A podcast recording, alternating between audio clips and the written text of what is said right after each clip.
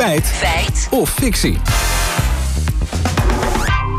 Ja, feit of fictie, Lambert. Dit keer over stress en autobestuurders. Vandaar de vraag. Inderdaad, ja. De gemoederen zijn namelijk hoog opgelopen... sinds het fietsenongeluk van oud-minister Dekker. Wielrenners wordt van alles verweten.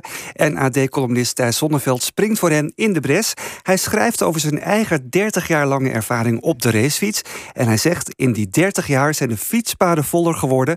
de auto's groter en de mensen achter het stuur gestrester. Nou, daar kan ik me van alles bij voorstellen. Ook in de stad is het niet meer te doen, vind ik. Nee, nou, die vollere fietspaden en die grotere auto's, dat geloven we natuurlijk wel. Maar zijn we echt gestrester met z'n allen aan het autorijden? Dat, dat weet ik nog niet zo zeker. Dus we hebben het voorgelegd aan verkeerspsycholoog Gerard Tertolen. En hij denkt van wel. Het wordt steeds drukker in Nederland en op de weg.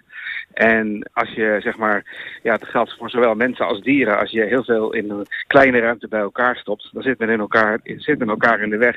En dat uh, levert meer stress en uh, irritatie op. Oké, dus mensen zitten elkaar een beetje in de weg, op de weg. Ja, en dat heeft allerlei vervelende gevolgen, zegt uh, Tertolen. Waar het in resulteert is in ieder geval in een blijvende, uh, aantal, blijvend hoog aantal uh, gewonden en doden in het verkeer. Dat neemt helaas te weinig af, tot niet af. En wat we ook zien is dat het aantal verkeersruzies neemt drastisch toe. En dat is ook natuurlijk wel een belangrijke maatstaf. Dat mensen geïrriteerd zijn en ruzie met elkaar gaan zitten maken. En dat is ook echt vastgesteld dat dat aantal toeneemt. En verkeersdeskundige Ruud Horneman zegt dat het niet bij een beetje vloeken blijft. Absoluut een, een, nou, bijna een trend geworden, lijkt het wel. Dat mensen inderdaad of met hun voertuig of desnoods met wapens een, een oneenigheid willen uitvechten. Dat is iets wat je, wat je enige decennia geleden nooit hoorde. Nou, dat waren echt uitzonderingen of het waren verhalen uit Amerika.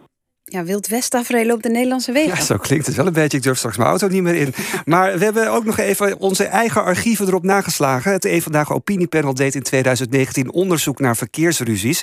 En daaruit kwam inderdaad naar voren dat 13% van de automobilisten wel eens betrokken is geweest bij zo'n verkeersruzie. De politie gaf aan dat mensen vaak haast hebben en druk zijn, waardoor fouten worden gemaakt die weer verkeerd worden opgepikt door andere weggebruikers. En dat beaamt ter tolen. Ja, dat we elkaar gewoon ook steeds minder gunnen, steeds gehaaster zijn. Uh, niet de tijd nemen en niet denken van ach, die paar seconden of minuten, dat maakt niet zoveel uit. Maar alles snel, snel, snel willen doen. En dat zorgt er ook niet voor dat er uh, dat, dat, dat beter in het verkeer. Oké, okay. en wat is dan de conclusie? Nou, dat weet uh, verkeerspsycholoog Tertolen.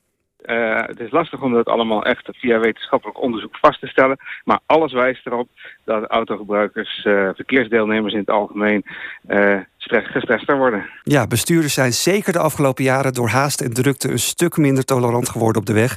Ondanks gebrek aan cijfers wijst toch echt alles erop volgens onze deskundigen dat het een feit is.